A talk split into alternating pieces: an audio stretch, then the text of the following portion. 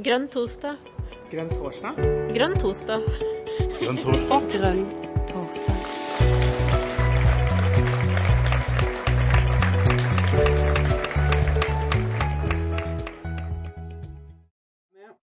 Velkommen til Grønn torsdag.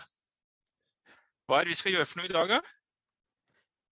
Nei, Vi skal jo få høre fra Ulrikke, som er eh, førstekandidat i eh, Rogaland. Og vi har jo et eh, mål og et veldig sterkt ønske om at, å få vist fram alle førstekandidatene i partiet på Grønn torsdag.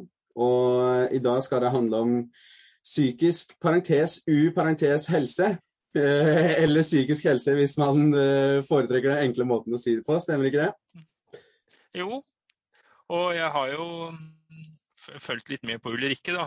Og eh, hun eh, har vært litt i nasjonale medier og helt sikkert vært noe i de her lokalavisene nede på ned i Rogaland også, så de, jeg leser ikke de så mye. Men jeg, jeg tror du var på noen ra radiogreier også, var det ikke det, Ulrikke? Var du Dagsnytt 18, eller blander jeg nå? Nei, det er riktig det. Jo, ja, Ja. Dagsnytt 18 er et lite kort innslag der, ja. Mm. Ja. Det er greit å ha prøvd det. Ja, det er det. Ja, nei, det er jo my mye mer eh, hyggelig stemning her på Grønn torsdag, tenker jeg. Mm. Ja. Jeg vet ikke om vi skal si noe mer om deg før du skal eh, kjøre i gang. Nei. Skal vi bare gi deg ordet, og så snakker du en stund, og så, så debatterer vi og utveksler litt tanker og sånn etter hvert? Høres bra ut. Da skal jeg Ja. bare eh, gjøre litt sånn tekniske ting. Eh, Ja. Dele skjerm, f.eks. Det må jeg finne ut hvordan jeg gjør. Se, Share screen. Sånn.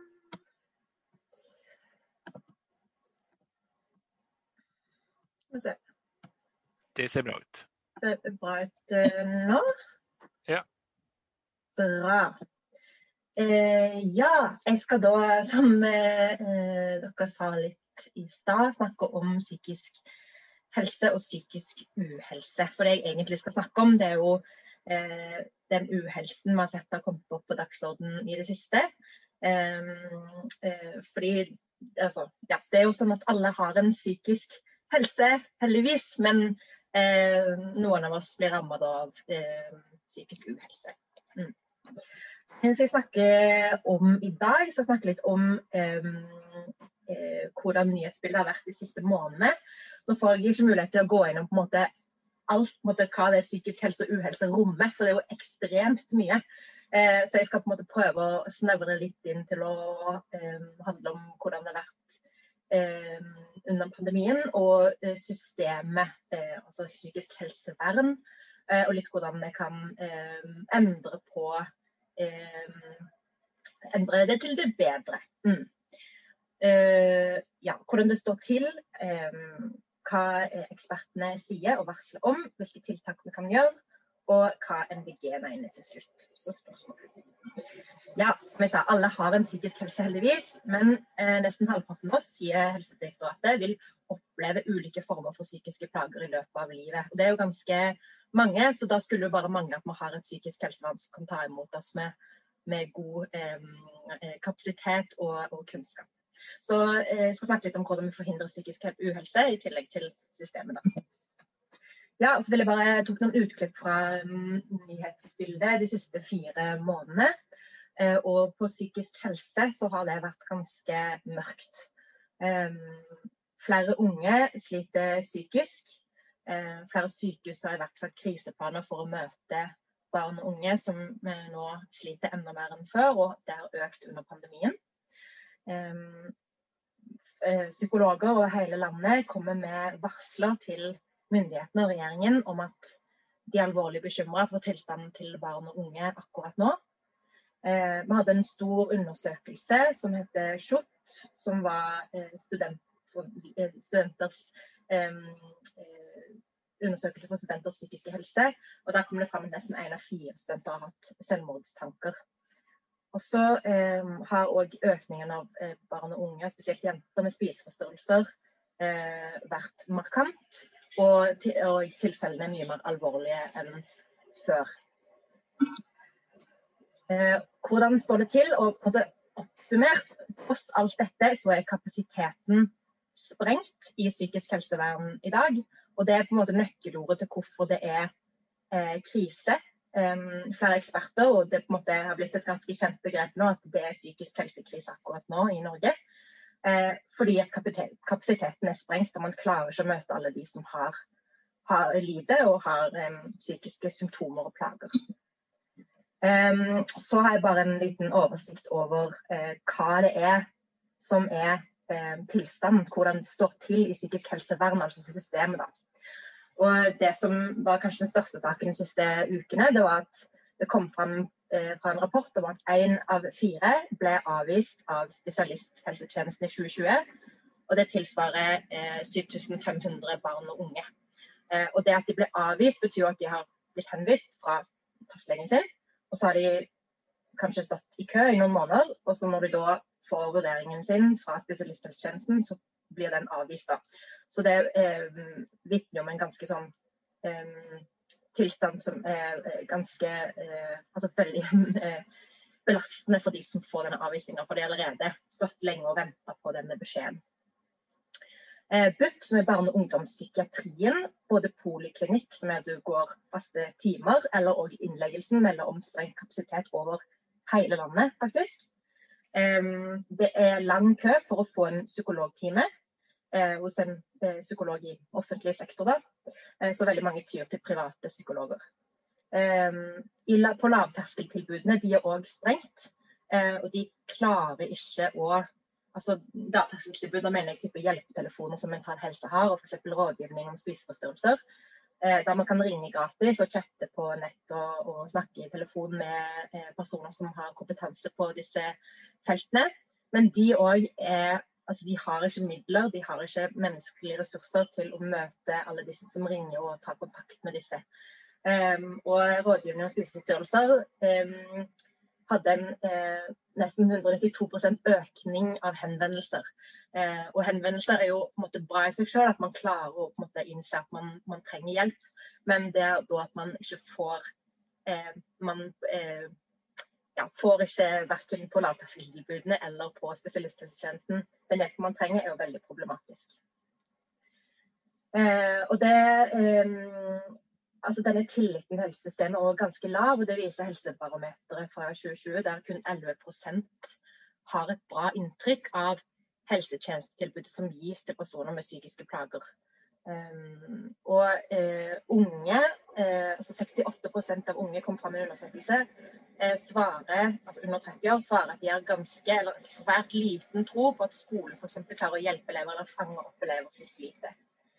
Um, ja, som jeg sa i stad, BUP får under mange flere henvendelser, og dette særlig med yngre jenter med alvorlig spiseforstyrrelse. Dette er på en måte en av de mest um, den, den, sykdommen som får, har økt mest, og spesielt under pandemien. Uh, ja, flere sliter med som heter psykiske plager. En oppsummering. Så uh, bildet er ganske uh, mørkt. Um, og ekspertene varsler om at det trengs straks tiltak. Ja, jeg vil bare vise noen tall for denne studentenes helse- og trivselsundersøkelse som ble lagt fram for noen uker siden. Um, der òg uh, det kom fram at studentene har hatt det veldig hardt under pandemien. Da. Dette var en undersøkelse som ble gjort de siste fire månedene, og der 68 000 studenter deltok. Og tallene, spesielt når det gjaldt selvmord, selvmordstanker, var veldig, veldig alvorlige. Uh, 15% har tenkt på å ta sitt eget liv i løpet av de siste to ukene, 14 dagene. Det er en økning fra 2018, da. så dette er jo veldig alvorlig. Um, ja. Og så eh, er det en annen eh, ting som eh, jeg har en kjepphest for, men som òg eh, ikke kan måte knyttes opp til måte hendelser nå i det eh, siste på en måte sånn konkret, men det henger sammen med at man har en økning av, av barn og unge som sliter med spiseforstyrrelser. Og dette her med at um, eh, både internasjonalt og nasjonalt rapporteres det om en økning av yngre jenter med, som sliter med alvorlige spiseforstyrrelser. Det er det mange eh, grunner til. Eh, men bl.a. at man ser at eh, sosiale medier f.eks. har bidratt til et økt kroppspress. Um, og eksperter sier at det er en klar sammenheng mellom spiseforstyrrelser og ytre slankepress f.eks. som formidles gjennom reklame. Og um, Nesten halvparten av norske jenter i 15-årsalderen eh, mener de er for tjukke, selv om bare 9 faktisk er det. Så, ja. Så mitt poeng er jo at um, ja, Mitt poeng er at, måte, at dette pandemiåret har på en måte satt lys på problemer som har eh, egentlig vært der veldig lenge, men som nå har eh, kommet veldig opp i dagen fordi flere har fått økte symptomer når det har vært ytre faktorer som har bidratt til sånn nedstengning. Mm. Dette er et sitat fra eh, Villa Sult, som er institutt for eh spiseforstyrrelser, et privat eh, institutt. Mm, med det de sier medieindustrien er mer eller mindre en lagt slankepropaganda. Uh, ja, så går jeg litt tilbake til hva ekspertene sier om denne tilstanden vi står i nå, denne psykiske helsekrisen. Og det ekspertene sier om tilbudet, altså psykisk helsevern, er at Barneombudet f.eks. uttaler til media at deres konklusjon er at dagens, dagens psykisk helsevern ikke er rigga godt nok for å oppfylle barns rett til best mulig helsehjelp. Um, og Rådet for psykisk helse har uttalt uh, både lenge før pandemien òg um, at de har virkemidlene uh, for å hjelpe flere, men det er et altså, styringsvalg at vi ikke tar disse virkemidlene i bruk. Altså, vi har solid kompetanse på feltet, vi har stadig bedre oversikt over risikogruppene, men uh, fremgangen uteblir. Eh, altså handling uteblir. Um, ja. Og så nevner de en annen ting også, som jeg syns var ganske interessant. det er at um, det er, Nå kommer det litt til systemet igjen, men at vi vet at symptomene dempes. Nei, vi vet at pasienter skrives ut veldig fort etter at symptomene dempes. Fordi at det er en veldig økt etterspørsel. Og det henger jo sammen med uh, dette en økt etterspørsel nå. Men det fører da til at eh, veldig mange får tilbakefall fordi at det er så mange som står og banker på døren. Så det er veldig mange som må fort ut igjen, og da blir det en sånn ond sirkel. at Veldig mange føler at de ikke får den tiden til å hele seg eller lege seg opp ferdig. Mm. Ja. Eh, litt mer om hvordan tilstanden er. Eh, Rådet for psykisk helse sier at det er plassene, og denne svingdørseffekten, som er dette her med at man har så kort tid i behandling som det er så økt, altså stor eh, så kapasitetsmangel. Ehm, ja. Mm, det er litt gjentagende, men BUP rapporterer om, om, flere alvorlige akutte saker nå under pandemien. Um, og økningen i disse henvendelsene har ført til lengre ventetider. Um, og lavterskeltilbudene som jeg nevnte, flere henvendelser og kapasitetsutfordringer. Og det alle sier, både lavterskeltilbudene og eh, kommunehelsetjenesten og spesialisthelsetjenesten, de sier at de trenger ressurser og de trenger midler. Så det er på en måte hovedkonklusjonen. De har ikke nok eh, ressurser i både form av mennesker eller av eh, penger og midler til å kunne møte barn og unge på riktig måte. Ja, og så bare litt eh, Det jeg på en måte eh, jeg, jeg synes er veldig viktig å få fram, er at dette alt dette som jeg har nevnt nå, er, har både skjedd under pandemien de siste månedene, men dette har òg vært et um, eh, altså den tilstanden i psykisk helsevern, altså det at det er en eh, stor kapasitetmangel. At det er barn og unge som, altså det er økning i psykiske plager for barn og unge med spiseforstyrrelse, depresjon og, eh, og selvmordstanker. Eh, blant barn og unge og studenter og voksne. Eh, dette har eh, vi visst om lenge, lenge før vi hadde lockdown i, i mars i 2020. og det er det veldig mange som peker på nå. at vi, vi, ser en tendens at veldig mange politikere bruker måte pandemien som en unnskyldning til at hvorfor det går så dårlig. Men det som vi vet, er at dette er en varsla krise som pandemien på en måte har satt et forstørrelsesglass på. Fordi at eh, veldig mange nå eh, søker hjelp fordi det på en måte har, det bikker over til å bli alvorlig. Man har kanskje noen symptomer som er alvorlige, men så bikker det såpass over til at man søker hjelp. Og da kommer det inn i rapporteringen på en måte. Så man ser at symptomer har økt. og Eh, og, og henvendelsene har økt. Men dette er ikke noe som har skjedd over natten. Dette er noe som har foregått over mange år og gjennom mange regjeringsperioder. Så eh, Jeg skal snakke litt om hva vi kan gjøre for å få bukt med disse store, alvorlige, eh, bekymringsverdige utfordringene. Um, og aller først handler det om prioritering av ressurser. Um, regjeringen ga jo en krisepakke, altså Stortinget og regjeringen eh, forhandla fram en krisepakke i fjor, fjor i mars. Um, og det var på en måte en sånn type um, tidsstempel der man kunne f.eks. bevilga mye mer midler til å forebygge det som vi ser nå i tilstanden i psykisk helse. Men det valgte de ikke å gjøre. Uh, så er det dette med forebygging. Og Det har jeg skrevet tre ganger fordi det er den beste investeringen vi som samfunn kan gjøre. Og det er, handler både om å eh, klare å forutse eh, hvilke påvirkninger f.eks. smitteverntiltak har hatt på barn og unge, men òg forebygge generelt i samfunnet eh, det som ofte, som vi vet, skaper eh, ytterligere stress og press på unge, f.eks. Eh, og dette er veldig spesielt tydelig innen spiseforståelse og kroppspress. Eh, men dette handler òg om å gi midler til lavterskeltilbudene. Eh, fordi at forskning viser at hvor tidligere man gir hjelp, og hvor, og hvor raskere man får den hjelpen, eh, hvor større sånn, eh, sannsynlighet og sjanse har man for å bli bedre. Eh, så hvis man møter f.eks. en eh, ti år gammel jente som synes at hun er litt for tjukk og føler at hun må gå ned i vekt f.eks. Hvis man møter henne da allerede med spesialistbehandling, eller måte mennesker som har kompetanse på feltet, så vil hun ha mye bedre sjanse til å bli frisk kanskje på mye kortere tid enn hvis, man, eh, hvis hun må stå i kø, eller hvis hun ikke møter mennesker med kompetanse. Da vil kanskje sykdommen sette seg enda mer fast. og Dette handler òg om depresjon. Uh, altså Dette gjelder for depresjon og og selvmordstanker òg. Eh, det er listet opp med ulike tiltak som vi vet eh, funker. og Det er, det er først og fremst dette med ressurser, forebyggende tiltak, tidlig og rask hjelp. Øke kunnskapen om symptomer. og Dette handler litt om det jeg sa i stad, at man må klare å se ting tidlig. Dette henger sammen med forebygging. Hvis man eh, øker kunnskapen på f.eks. hva som er symptomer på depresjon, da kan f.eks. en lærer se det tidlig Eh, hvis en elev har symptomer, eh, så kan en lærer se det og ta tak i det. Eller spiseforstyrrelser eller selvmord. Tanker, selvmordstanker.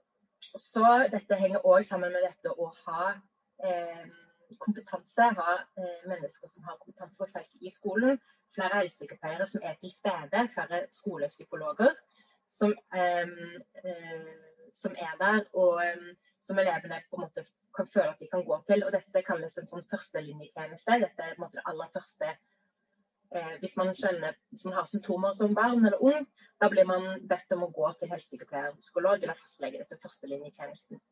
Eh, og hvis da man ønsker å møte helsesykepleier, men hun da ikke er der, så kan man da eh, med, Hvis man har psykiske symptomer eller har det vanskelig, kan det på en måte heve terskelen for å ta eh, for å møte denne, altså ta, ta, tak i egen eh, sykdom igjen. Og det kan føre til at man ikke gjør det på sikt. da. Og Det vil jo føre til at sykdommen forverres.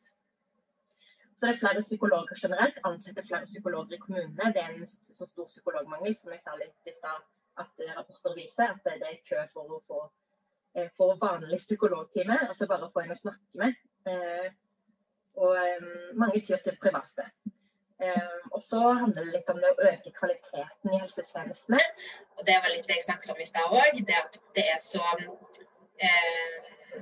det er eh, man har lite ressurser, så man måtte ha ikke mulighet til f.eks. å lage et individbasert løp for hver, hver enkelt. Fordi man har så mange som trenger den hjelpen, så ofte blir de behandlingsløpene forkorta, eller at man ikke får tilbud om så lenge som man trenger. Eh, og så er det sånn òg i dag, det kommer litt på neste slide, tror jeg, at um, ja, særskilt og individbasert behandling eh, er, er, det mangelvare på i landet, fordi det er så mange som trenger hjelp. Eh, også dette med likeverdig hjelp på tvers av regiongrensene er òg en ganske eh, tydelig, et tydelig problem. Eh, der f.eks. kompetansen er sentralisert til Oslo, Oslo for eksempel, eller Bergen. Eller det at ulike kommuner tiltrekker seg ulik kompetanse, som betyr at det er veldig mange eh, som eh, møter altså, det er forskjell på hvor man bor, da, hvor, for hvor god hjelp man får. Og det er jo eh, uholdbart. Um, og så er det for få plasser i både spesialisthelsetjenesten og på DPS og BUP.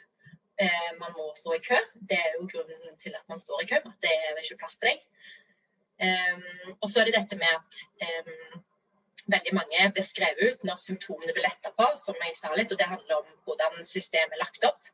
Man har ikke, man har ikke liksom et helhetlig system for å møte, møte enkeltmennesker fordi man har for lite ressurser, rett og slett.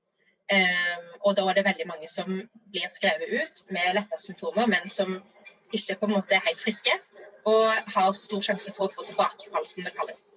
Um, og det som er tiltak da, som har blitt foreslått av veldig mange eksperter, det er å sørge for å ha et sikkerhetsnett, eller et ettervern som det kalles, for de som er ferdig med behandling. For å sørge for at de følges opp, så de ikke blir på en måte forlatt til seg selv etter de er ferdige f.eks.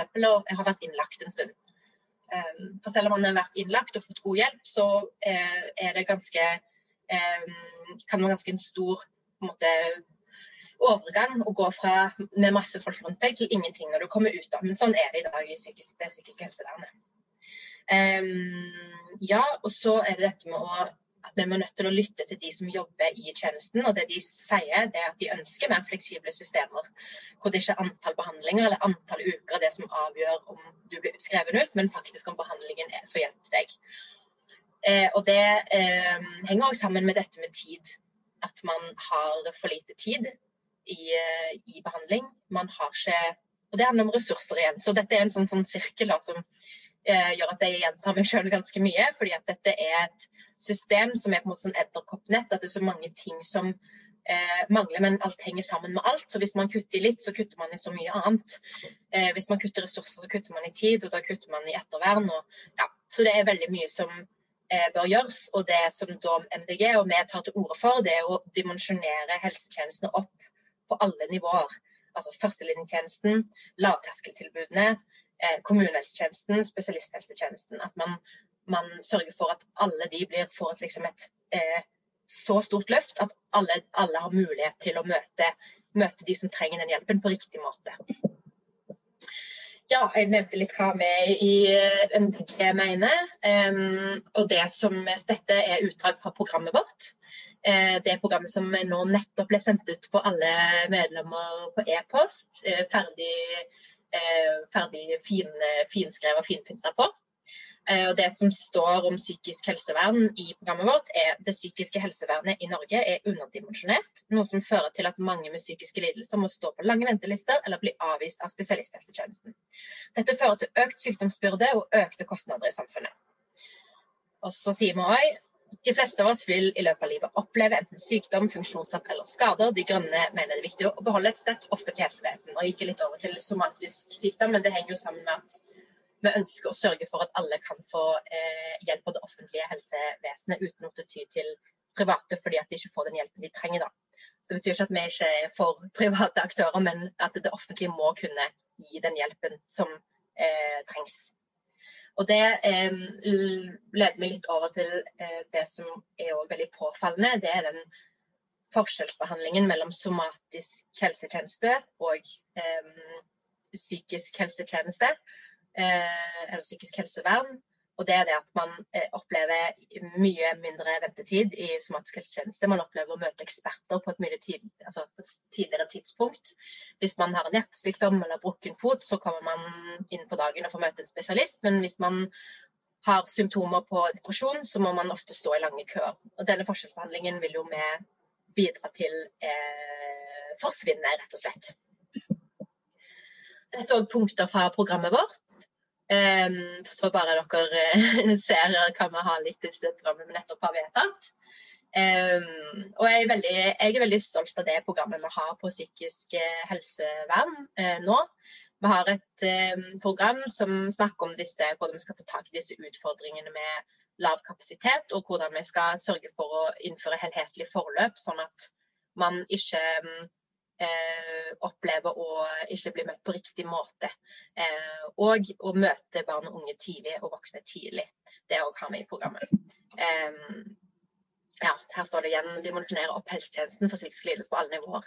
Og det, Jeg bare, vil bare gjenta det, fordi at det er uh, så uforståelig for meg at um, i 2021 så er psykiske lidelser uh, så på en måte altså Det er så nederst på rangstigen i hvor på en måte uh, stort tilbud av hjelp man, man, vil få av det offentlige helsevesenet. Og det er veldig mange som har kontakta meg eh, i ettertid av de sakene jeg har fronta, og fortalt lignende eh, historier. Altså, det bekrefter bare disse tingene som jeg har sagt nå. De forteller om at de har måttet kjempe en kamp mot systemet. At de ikke har fått den hjelpen de har behov for, eller de har stått i kø i et halvt år og blitt mye verre, sånn at de måtte få en eh, en måte mer omfattende og dyrere på en måte sånn sett for et sånn samfunnsøkonomisk perspektiv hjelp. Um, så dette er jo uh, dette er veldig paradoksalt med tanke på hva forskning sier er den beste måten å møte psykisk syke personer på. Mm. Så um, mm, ja. Uh, og så vil jeg bare si litt om min kjepphest òg. Eh, vi fikk jo inn noen punkter om hvordan vi skulle bidra til å eh, redusere kroppspress. For kroppspress er, er har en, måte, tydelig link til spiseforstyrrelser. Og da vil jeg på en måte bare tenke at det er naturlig å inkludere det, for man ser at eh, økningen av spiseforstyrrelser er såpass markant og skiller seg veldig ut i denne pandemien og de siste 10-15 årene i hvor mange som søker for hjelp for spiseforstyrrelser. Eh, og Da har vi noen punkter som, eh, der det står at vi ønsker å aktivt arbeide mot kroppspress i skolen og generelt i samfunnet. Eh, og øke støtten til ideelle organisasjoner som jobber mot kroppspress blant barn, og unge og voksne. Eh, vi vil òg eh, forby eh, altså markedsføring kosmetisk kirurgi og markedsføring av slankemidler. Og klesdukker med medisinsk uforsvarlige kroppsproporsjoner. Og så er vi nødt til å innhente mer kunnskap om barn og unges sårbarhet for reklamepåvirkning. Og, eh, og det var jo litt det jeg sa i stad, at eh, eksperter ser en veldig, eh, veldig tydelig sammenheng mellom hvilke, eh, hvilke måte, kropper og hvilke måte, mennesker man ser rundt seg i det offentlige rom, og hva, hvilket måte, selvbilde barn og unge har eh, på seg sjøl. Yes, OK. Da eh, var det plutselig rundtid for å runde av for meg.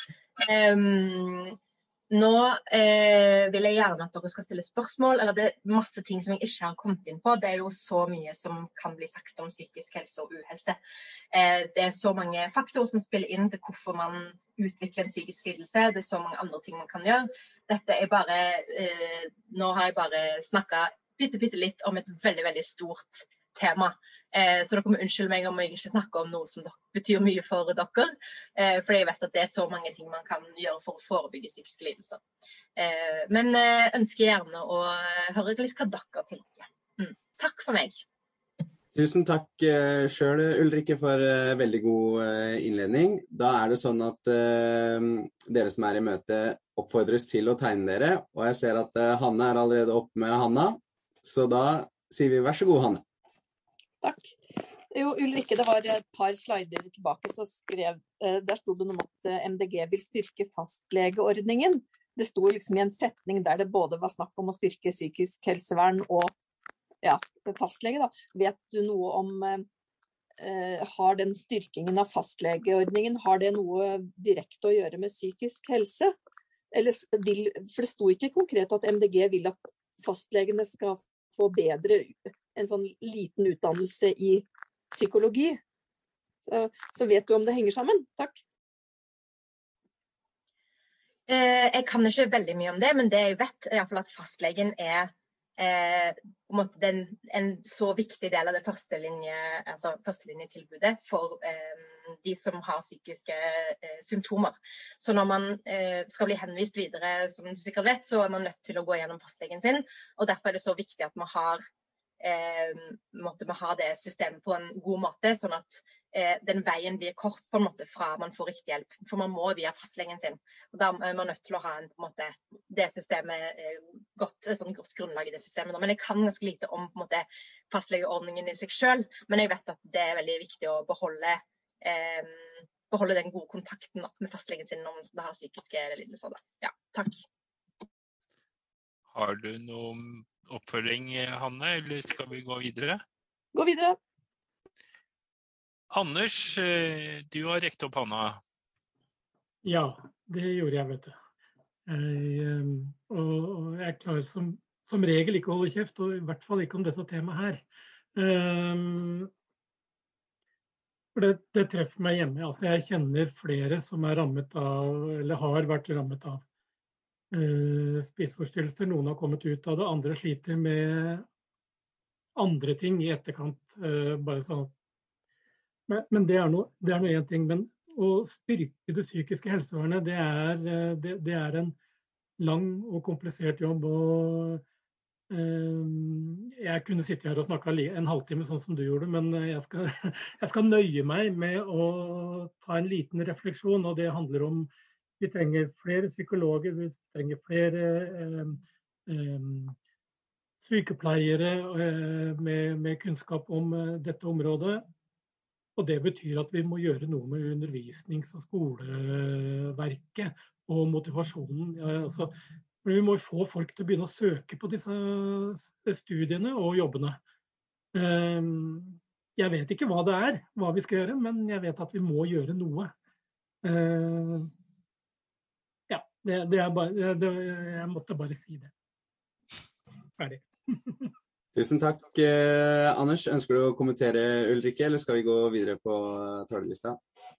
Jeg si jeg er helt eh, enig, eh, og det er òg eh, heldigvis en del av De grønne sitt program. At vi må sørge for at måte, ja, vi har gode Vi kan tilby f.eks. de som ønsker å søke på sykepleier en, en noe mye bedre enn det de, det de, får nå. da. Så de kan stå mye mer i jobb og ja.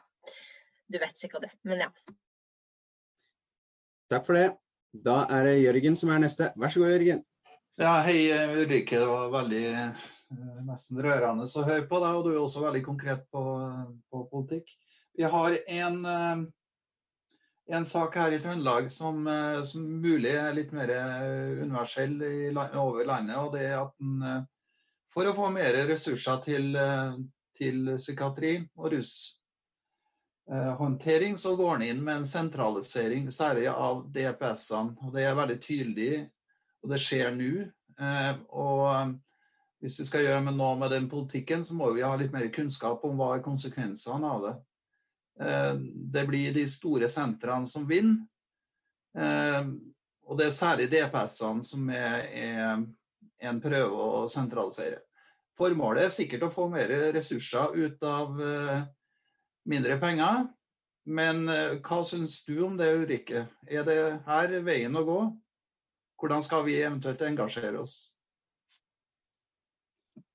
Mm, ja, Det var et stort spørsmål om hvordan vi skal klare å engasjere oss for at, eh, for at det mm, For å sørge for at det blir eh, best mulig. Men jeg personlig er, er, eh, brenner veldig for at vi skal ha nære helsetjenester.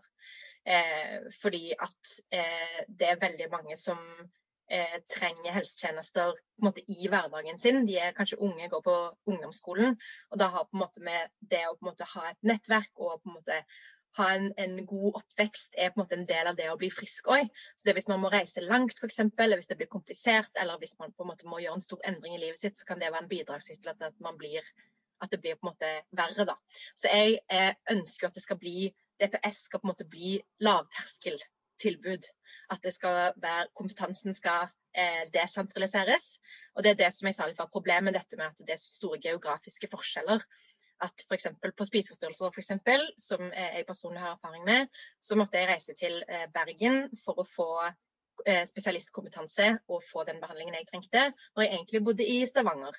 Eh, og Det gjorde det på en måte at det ble en mye mer omfattende prosess for meg, istedenfor at jeg kunne på en måte bare reist en kort busstur og fått den hjelpen jeg trengte. da. Og Det var i nærheten av familien, har en del å si da. Så jeg er veldig for at man skal eh, sørge for at helsetjenesten blir eh, nær folk. Nå har jeg sluttet tida, men det, det er jeg veldig enig i. Og så må man få kompetansen ut òg. Man kan ikke bare spre helsetjenesten og ikke få kompetansen der, for det er jo veldig grunnleggende viktig. Var det svar på spørsmålet ditt? Ja. ja eh, takk. Ivar har også rekt opp handa, og dere må bare kaste dere på dere andre her også. Vær så god, Ivar. Ja, takk for det. Takk for det. Ja, jeg sitter her i Trondheim og uh, har jo hatt psykisk helse så, uh, som et, kan vi si, altoverspiselig uh, eller sånn, et tema som er så viktig. Da. og jeg takker jo for at dere har fokus på det. Og jeg likte jo akkurat det her du snakka om pandemien. Eh, altså at det er bare, kan vi si, Du viser bare hva som ligger, ligger der, som har ligget der i, i alle år.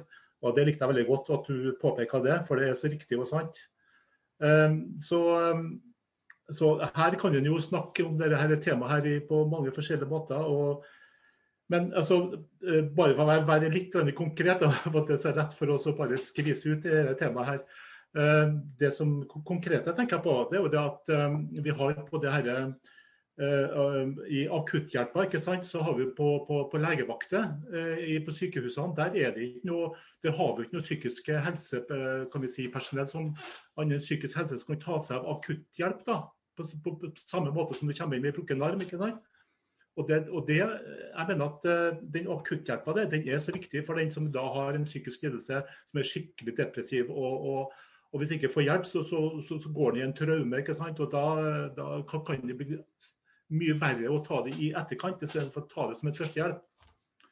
Og, og, Det tror jeg er et uh, viktig tema sånn med akkurat med det å ta den akutte tingen.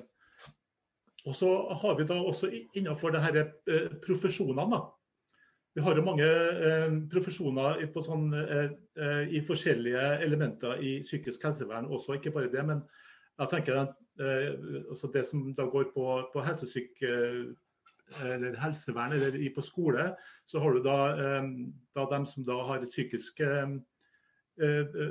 bakgrunn. Men har, det jeg tenker på er at du har flere kategorier, sånn at du må ha et sånn tverrprofesjonelt samarbeid. Sånn at folk kan, eh, at profesjonene da, kan vi si, eh, har en forståelse på tvers av sin egen profesjon. For det er jo fort gjort å bli veldig sånn spesialisert innenfor sitt eget eh, tema og evne. Og Der er jo snakk om samskapning, ikke sant? Og der er det mye å gjøre. altså.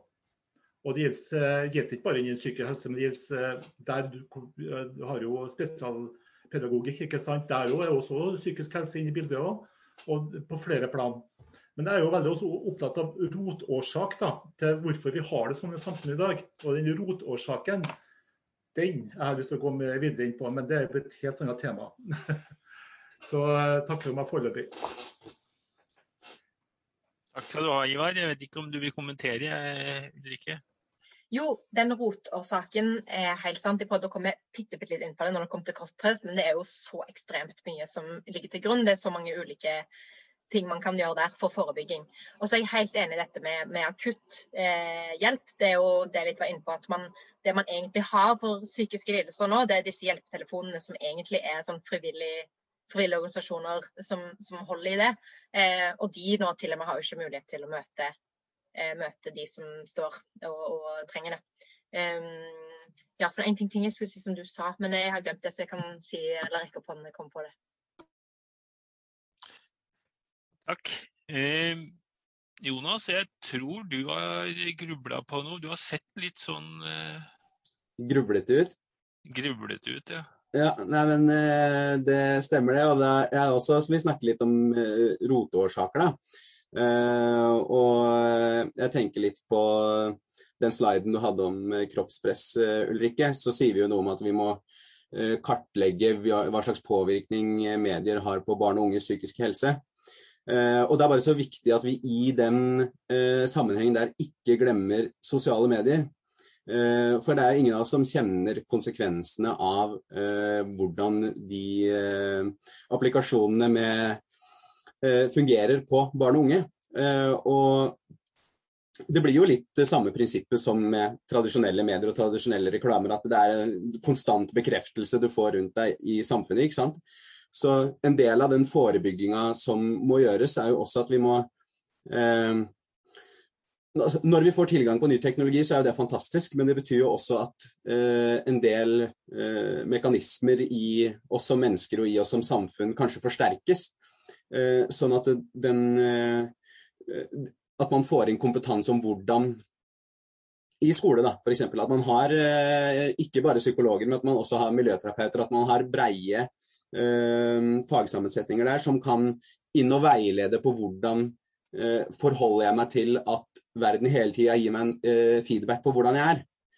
Det, det, er en sånn kjepphest for meg. Da, så den er jo nært beslekta med, med, den, med den du har. Um, og det tror jeg var omtrent det jeg vil si, og hadde grubla på. Jeg vet ikke om du vil kommentere det, Ulrikke? Nå var du litt langt vekk fra mikken. Hører du meg bedre nå? Ja. Ja. Eh, det her med å tidlig eh, få inn i skolen og barnehagen, dette har vi eh, i NDG som og i programmet vårt, om at vi ønsker å få inn medie, altså kritisk tenkning, både når det kommer til på en måte, mediepåvirkning og sosiale medier, og jobbe med det, og på en måte jobbe med eh, inn i mat- og helsefaget f.eks. på skolen. Sørge for at man snakker om denne her eh, oppkonstruerte idealkroppen f.eks. Eller snakke om, mer om på en måte hva media og samfunnet på en måte fører oss, og så på en måte kunne være kritiske til det istedenfor å godta det. Og det eh, vet jeg at De Grønne har snakka mye om, dette her med allerede på en måte fremheve eh, det positive med mangfold i barnehagen og, og barneskolen. Mm. Takk. Eh, Hanne, du ville frampå igjen. Ja. Um, jo, jeg lurte på, Ulrikke, om da, Jeg har vært på litt sånn foredrag om det her, både ADHD, rus, psykisk helse. Og, og det, man snakker om at liksom, det, på videregående, da, da begynner det i hvert fall å merkes at uh, man får store problemer. Og så skulle man kanskje tatt tak i det på ungdomsskolen, man skulle ha tatt uh, tak i det på barneskolen, og kanskje aller helst i barnehagen. og hvordan har du noen tanker om hvor skal balansen være mellom hvor mye en barnehagearbeider skal begynne å blande seg inn i hva foreldrene skal gjøre for å hjelpe den psykiske helsen til barnet sitt. Da. Um, For det er jo veldig mange foreldre som ikke er bra foreldre.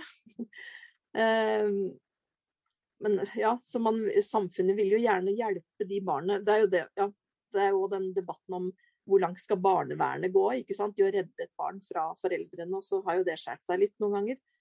For jeg tenker jo at det er veldig viktig å Ja, alt all det her med ADHD og problemer, da, det, det starter jo gjerne liksom når barnet er barnehagealder, da. Så hvor, hvor skal den grensa gå? Skal vi ha noe mer fagpersonell i, i barnehagene og, og lignende? Takk. Ja, jeg tar bare Jon. Eh, det var et veldig stort eh, spørsmål, eller godt spørsmål. Det jeg tenker sånn umiddelbart, er det at man det barnehagene på en måte har og skolene har en viktig rolle i, er på en måte å undervise i dette. Altså en, Det skal bli en del av undervisningen. Og, og hvis man og slår ned på eh, på en måte symptomer eller på en måte eh, samtaler eller eh, ting man ser i, som, måte, som beveger seg i blant elever eller blant barnehage eh, si. Eh, F.eks. dette med eh, at man må si tydelig fra hvis man ser for at et barn snakker om eh, altså, snakker om å slanke seg, f.eks. Så kan man gå inn. Nå, eh, det er et veldig stort spørsmål. Jeg vet ikke om jeg på en måte klarer å gi et godt svar på det. Men jeg tenker at rollen er på en måte å slå ned på ting som man ser er på en måte usunt av både snakk og på en måte måten man er med hverandre. Eh, og så eh, må man gi veiledning, tenker jeg, til foreldre hvis man ser at barnet oppfører seg på en viss måte. F.eks. Eh, at man ikke skal snakke om det hjemme, f.eks. snakke om slanking hjemme. Det gjelder jo spiseforstyrrelser, da, eksempel, men ja. Eh, godt spørsmål. Det er sikkert det er mange svar på det. Takk, Ulrikke. Da er det Karstein som er neste. Vær så god.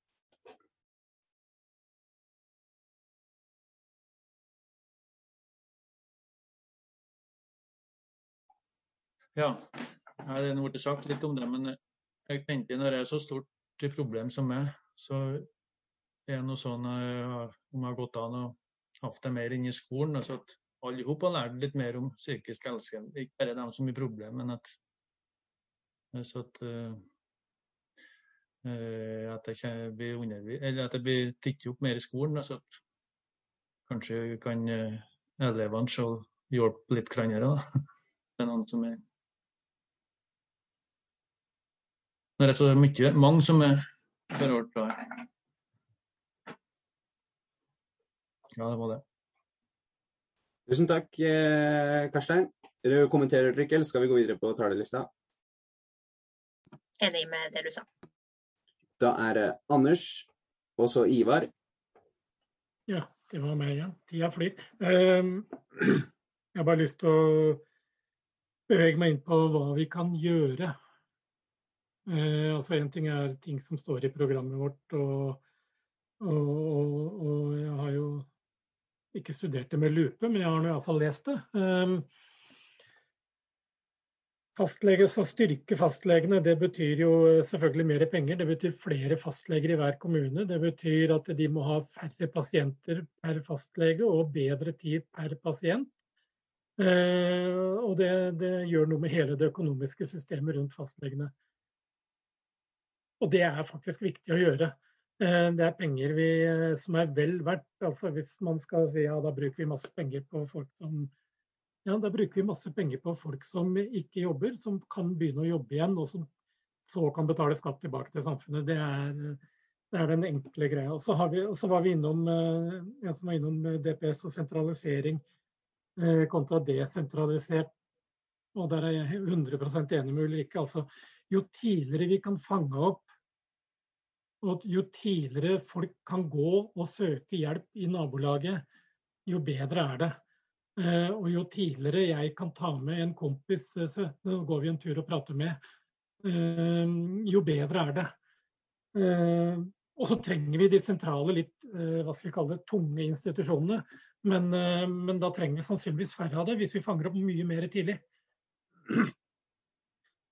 Og så kunne jeg sagt mye om barnevern, men det skal jeg holde kjeft om. Vær så god. Takk, Anders. Ulrikke, vær så god.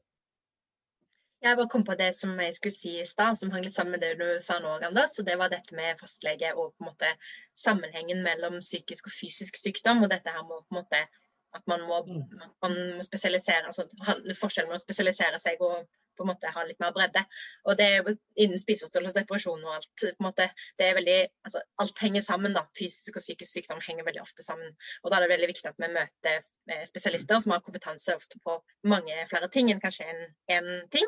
Eh, på en måte ha litt breddekompetanse. Og så er det dette her med at eh, hvis man møter en fastlege som har god tid, så kan kanskje han spørre det ekstra spørsmålet som fikk deg til å si at du har noen vonde tanker. Så det er veldig viktig at med tid, da. Og tid er liksom sånn kjerneord for meg. Mm. Mm. Jeg må bare få skyte inn. Jeg er så glad i fastlegen min. Han er alltid forsinka, og det er fordi han tar seg den tiden, ekstra tiden uansett. Jeg sitter der i to timer etter at jeg hadde time, men det er helt i orden. Sitter jeg fremdeles på venterommet. Ferdig. Høres ut som en god fastlege, Anders. Ja, det er det. Eh, da er det Ivar som er neste. Vær så god. Ja, tenkte jeg skulle bare komme litt tilbake til det jeg snakka om i sted. Men, eh, men, eh, to ting, da. Først eh, det med lavterskel. Det tror jeg er veldig viktig. altså. At vi kan ta i bruk ressurser i samfunnet på bare det å ta en samtale og bare at vi tar oss tid til å prate med hverandre. Det er jo noe som heter for Kommune 3.0. og Det går jo på det at vi skal bruke ressursene da, som finnes i samfunnet. ikke sant, At vi skal invitere. da, eh, og Det tror jeg vi må bli mye flinkere til enn i psykiske helsa òg. Eh, ofte så er det jo bare nok med en, en god samtale noen gang. ikke sant? Vi skal jo ufarliggjøre da, psykiske helsa. Eh, også det, altså jeg, jeg mener jo det at egentlig så, så, har vi kanskje vært litt for snille med hverandre på en måte. Vi, må, vi, må, vi, vi har ufarliggjort eller vi gjør psykisk helse litt for farlig. Altså, det er jo ikke noe farlig å ha det vondt og trasig og, og, og kjempe i livet. Sånn er det jo bare. Det jo, vi, vi, må senke terskelen til, til å, tro at vi har det vondt, at det er så farlig, men det er jo ikke altså, det. Er et langt liv så, så har en jo lært masse sjøl. Eh, men det må jo, kan en jo også formidle da, med en sånn samtale òg. Eh, en annen ting, eh, litt tilbake til vi snakka om barnehage og eh, tidlig oppvekst. Og Da tenker jeg på hvordan samfunnet har vært de siste 20-30 årene.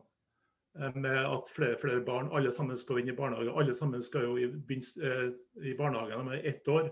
Men det som er mer og mer forskning viser på, er jo det at barn som begynner tidlig i barnehage altså Det er så individuelt så store forskjeller. Og utviklinga av hjerne og, og hvordan, altså den sosiale biten. da, fra, det, fra et barn er ett år og frem til tre år, det er, det er, jo da den store kan vi si, um, utviklinga skjer. Så det, så hjerne og utvikling. Eh, og det stresset, da, det er jo, det er jo å forske også på det stresset da, at de eh, barna som er ett år, eh, da eh, møter i en barnehage, så er det så viktig hvordan da vi møter dem i barnehagen. Og det er så store forskjeller på. Og det kan ha mange årsaker. Det kan også ha årsaker til at folk da i dag sliter mye mer psykisk i dag enn vi gjorde for 20 altså, At det er noe annen type symptomer, annen type plager enn vi ikke hadde før. Og så jeg tror at vi må gå dypere inn i hva, eh, hvordan skal vi ha samfunnet vårt, eh, ut ifra hvordan vi skal behandle barna våre. Eh, for at, vi sier jo det at vi skal ha mer kompetanse eh, i, det, i, det her, eh, i barnehager fra småbarnsalderen. ikke sant? Men det er så viktig. Og det, det får vi ikke sagt godt nok, altså. Så det, det tror jeg men jeg lurer på om vi har det i, jeg vet ikke om vi har det i programmet vårt, men om, om hvordan fokus vi har på det. Men, men altså, vi, det er mange leirer her, da. Så, så det Ja, jeg ville bare få frem det poenget, da. Takk. Tusen takk, eh, Ivar. Ulrikke, vær så god. Ja, et veldig godt poeng, eh, Ivar. Og det jeg tenker er veldig viktig, og som er en måte sånn nøkkel for MDG, som jeg på en måte er veldig glad i MDG for, det er at vi fronter veldig mye denne livskvaliteten, mm, reduserer stress og press. Og det gjelder jo også for små barn. Jeg gikk i Steinar barnehage sjøl, og der fikk jeg veldig mye rundt å leke i liksom, skogen. Og jeg fikk på en måte, vi sang mye, og vi lærte oss dikt, og det var på en måte sånn ro rundt det. Eh, årstider og ute i snøen. Så det var på en måte jeg tror det har bidratt til at jeg hadde en veldig sånn, god psykisk helse da jeg var barn. At jeg fikk lov til å være barn. Og det kan man jo på en måte stille litt kritikk til det, måte, det samfunnet som skyndte seg litt da, i dag. Da. Eh, for jeg tror at det er veldig mange som føler på at de må eh, lære fort, f.eks. Eh, mens jeg opplevde som en veldig sånn rolig og trygg barndom. Og jeg tror det handler litt om det at man Eh, skal redusere stress og press i skolen. og Det har MDG politikk på at vi ønsker mer lek i barnehagen, mer, mer estetiske fag. Eh, mer sånn praktisk, man bruker kroppen i læring, at man ikke bare bruker teori. Eh, at man eh, beveger seg mer på skolen og sånne ting. Da. Jeg tror, det tror jeg kan bidra til sånn forebyggende tiltak som er veldig bra for barn og unge. Da. Takk Ulrikke. Da skal straks eh, Bjarne og Jørgen eh, få ordet, men eh, Jon, du grubler litt sjøl, du? Ja, jeg må innrømme det. Eh, en ting som jeg har eh, grubla mye på, var jo åssen det ville gå med selvmordsraten under denne eh, pandemien. Og jeg må innrømme at jeg er blitt litt overraska når jeg da hørte at de tallene ikke har økt i Norge, og også sett tall fra andre land, at det ikke har økt. Det, at de tallene ikke har økt, betyr jo ikke at folk nødvendigvis har hatt bedre psykisk helse, men det er jo, det er jo et symbol på noe. Det, det, er, eh, det er, i hvert fall Tallet er jo så høye at ikke, man kan vel ikke si at det er positivt, men det er i hvert fall ikke veldig negativt at det ikke har økt. Ja. Eh, nei, det var én ting jeg hadde tenkt på. Og så var det en annen ting som eh, Det er eh, fordommene mot psykiske problemer. Eh, det var et oppslag eh, Jeg leser så mye nettaviser og sånn, så jeg er litt usikker på hvor det var hen. Men det var et oppslag i en avis som eh, gikk på at folk med psykiske problemer sliter med å få jobb.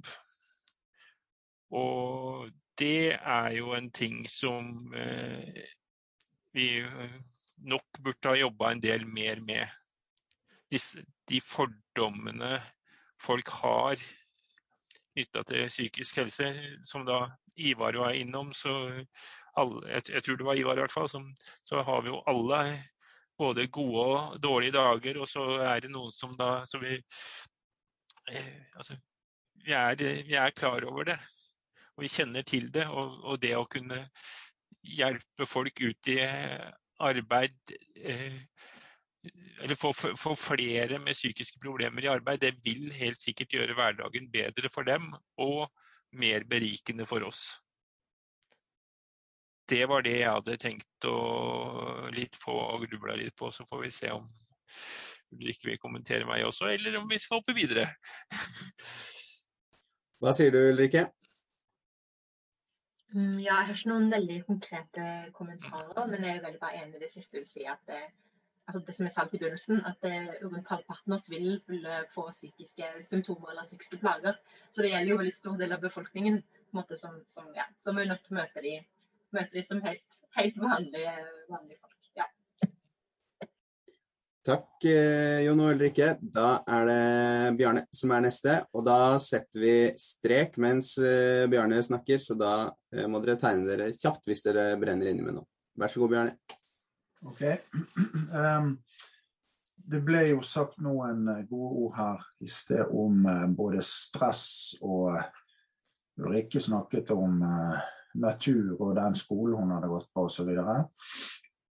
Jeg tror jo at Og så ble det snakket om rotårsaker. Jeg tenker at vi kan gå enda lenger tilbake og ned i, i materien. For der, er en kar som heter eh, doktor Gabor Maté, som er kanadisk professor i Han har jobbet med rusmisbrukere borte i Canada. Og han, han, ser jo at de som var F.eks. de damene han hadde som klienter der, der var alle, uten unntak, så vidt jeg forsto, utsatt for seksuelle overgrep. Eh, og, og, da viser det at det skjer noe med kroppen Eh, det var jo ett eksempel, men, men, men han, han, har jo òg intervjuet um, kommende foreldre uh, gjerne to år før barnet ble født. Og da kan han allerede under intervjuet så finner han ut av hvordan det kommer til å gå med ungen i forhold til stress og psykiske problemer og sånn. Og det viser at det er noe dypere eh, som foregår her. Noe med det er noe med stress, og så kommer det moderne samfunn. Ikke bare stress som kanskje barnet blir påført, det kan være òg selvfølgelig alkoholmisbruk, stoffmisbruk, men, men, stress under svangerskap. Stress spesielt de to-tre første årene. Det er spesielt. Hvis man greier seg gjennom det, så er det greit, men blir man ut for, for stress da, så, så, må, så blir man eh, Så har man det som er utfordrende resten av livet. Så det skjer noe dypere eh, biokjemisk her òg, som er veldig Som en utvikling av hjernen og kortisol og stress og hele, dritten, hele den driten der. Um, og um, han, uh, han, er vel verdt å lytte til han, um, han Gabo Maté. Uh, en annen ting, en faktor er jo det moderne samfunnet, altså at vi er tatt vekk fra naturen. Så da må vi forholde oss. Ikke bare barna i barnehage, eller ikke bare barnehage, men overalt når du vokser opp, så blir det mange utfordringer. Men også foreldrene er jo utsatt for stress. Og det eh, kan jo smitte over på barna. Så her er hele mye å ta tak i. Ok, Så ingen spørsmål, men Ulrikke kan gjerne kommentere hvis hun ønsker. Takk, Bjarne. Kom igjen, Ulrikke. Har du noen kommentar? Ja, jeg har en kommentar. fordi Det er veldig interessant det du går inn på. og det vi, som vi vet, det med f.eks. med både rusmisbruk og alkoholmisbruk og med spiseforstyrrelser, at det er en sammenheng mellom de. Fordi at det er en måte på en måte å bearbeide, bearbeide eller uh, traumer på, eller vonde hendelser. Det er jo mange årsaker til at man, man, man ender opp i en sånn situasjon, men man ser at eh, man bruker på en måte noe til å, til å cope, som man sier på engelsk. Med, det er liksom med selvmedisinering? Ja, ikke sant. Ja. Og det, når jeg fikk spiseforstyrrelser, så lærte jeg på en måte det at det er en veldig sånn sammenheng mellom det å være alkoholmisbruker, på en måte at man prøver å dempe noen, noen vanskelige ting. No, for noen er det traumer, for noen andre er det liksom vonde opplevelser på andre måter. Men så er det òg det du sier med det fysiologiske, at spiseforstyrrelser er genetisk. Så det er på en måte òg en debatt. Men eh, ja, så det er på en måte mange, mange ting som kan bidra inn i det. Men jeg tror det er veldig viktig å ta tak i eh, ta tak i liksom alle deler av det for, for, å se hva som faktisk bidrar. Og det er et godt innspill, Bjørne. Mm. mm. Kan jeg bare slenge på én kommentar? At de har gjort undersøkelser blant urbefolkninger som viser at det er null av disse problemene. Eh, praktisk talt null. Og da, det viser at det er noe med vårt moderne opplegg som, som, som vi har snakket om. Takk, Bjørne. Jørgen, da er du sistemann. Ja, eh, det var, jo, det var jo litt av et krav. Um, personlig så Jeg skal ikke ta, ta noe lang utredning om ting, men jeg jobba i tungpsykiatrien som assistent fra jeg var 18 år til jeg var 24. Jeg er teknisk utdanna. Så jeg fikk eh, lært hvor, eh, hvor, eh, hvor ofte vi, vi eh, plasserer folk på en institusjon og, og tenker ikke gjennom akkurat det her med nærtjeneste. Det var jo veldig typisk for den tida, men nå er vi da i ferd med å gå tilbake igjen, som en Anders var opptatt av, til en sentralisering. Og eh, veldig Mye av grunnen til det, det er at det ligger eh, store krav til å få mer helse ut av hver krone. Og Da har han ikke med seg det regnestykket som Anders, Anders er opptatt av. At vi sparer penger faktisk på å investere i psykisk helse. Og at vi skal gjøre det spesielt på nærtjenesten. Men jeg syns faktisk, ikke for å være kritisk mot MDG, men jeg syns programmet vårt skal være tydeligere, tydeligere på dette her området. Jeg mener faktisk at programmet vårt skal styrkes, så at vi er litt tydeligere på hvor vi skal prioritere ressursene innenfor helse. For helse er et ekstremt komplekst område og, og gi veldig, konkrete, veldig konkret eh, politikk på. Hvor det skjer noe i ettertid, og særlig psykisk helse. Og Da må vi være veldig tydelige på at vi prioriterer nærtjenesten. Og vi er nødt til å ta konsekvensene av det inn i programmet. Og Det føler jeg mangler litt. Vi kunne gjerne vært litt mer konkret der. Men det må vi jobbe med framover. Takk skal du ha, Jørgen. Har du en eh, kommentar, Ulrikke? Ja, det vet du. Nei, jeg vil bare si at eh, jeg tror vi har mye å gå på i programmet om psykisk helse og, og helsepolitikk. Men jeg tror det som ligger der er et godt grunnlag for den stortingsperioden som kommer nå. Men jeg er helt enig i at det er så komplekst. Det, tre, det trenger å jobbes med framover. Og det, det, tror jeg det kommer til å bli. Vi utvikler oss, liksom. Men eh, jeg er enig i at det er, burde være mer fokus på eh, hvordan vi tar tak i det tidlig. Og Det er jo det som måtte egentlig mitt hovedpoeng. At hvor tidligere vi tar tak i ting, hvor mer forebygging vi sørger for, hvor på en måte mer lønner det seg både som den som er syk, pårørende og samfunnet som helhet. Da. Så det er på en måte, Derfor jeg forebygging tre ganger, for det er bare så ekstremt viktig, en sånn, et sånt perspektiv. da. Eh, ja, og Så ser jeg noen som skrev en kommentar med, med at eh, Eh, mat, mat, og ja, mathelse påvirker psyken. Det er jo veldig sant det jeg sa litt om at fys, altså, Eh, fysisk og psykisk helse henger veldig sammen. og Det er derfor det er viktig at vi har folk som har kompetanse på begge deler når de møter, møter mennesker. Da. Ja, det er bare innspill. Takk for meg. ja, da har vi vært gjennom en bra time, Jonas. Det har vi. Og, har Ulrikke noe mer kommentar, eh, sånn oppsummering? Eller har du snakka fra deg nå? Du, har, du, får sjansen nå hvis du vil eh, si litt mer. Tror jeg vil bare si tusen takk for oppmøtet og tusen takk for veldig gode spørsmål til meg. Eh, jeg fronter jo disse sakene nå en, en, del i media med tanke på hvordan det, tilstanden er på en måte i psykisk helsevern. Eh, følg gjerne med på det. Eh, send meg gjerne en melding hvis det er noe dere tenker på. Eh, ja, så håper jeg dere tar vare på dere sjøl. Det er jo en måte, viktig denne pandemien spesielt. Eh, ja, veldig kjekt å være her i dag. Ja, takk for at jeg fikk møte dere. Takk skal du ha.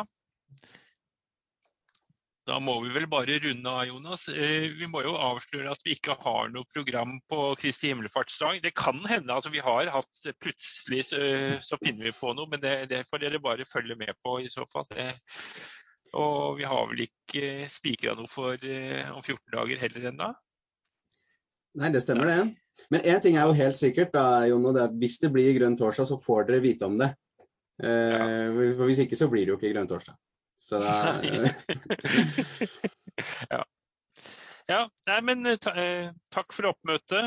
Og så, eh, som Ulrikke sa, ta, fortsett å ta vare på dere sjøl i denne pandemien. Og så håper vi nå at eh, det er lys i tunnelen. Det er i hvert fall en del vaksiner på vei utover, så da er vel det i hvert, hvert fall bedre enn før vaksinene kom. Mm. Ja. Ha en god kveld. Ha det bra. Takk for nå. Ha det.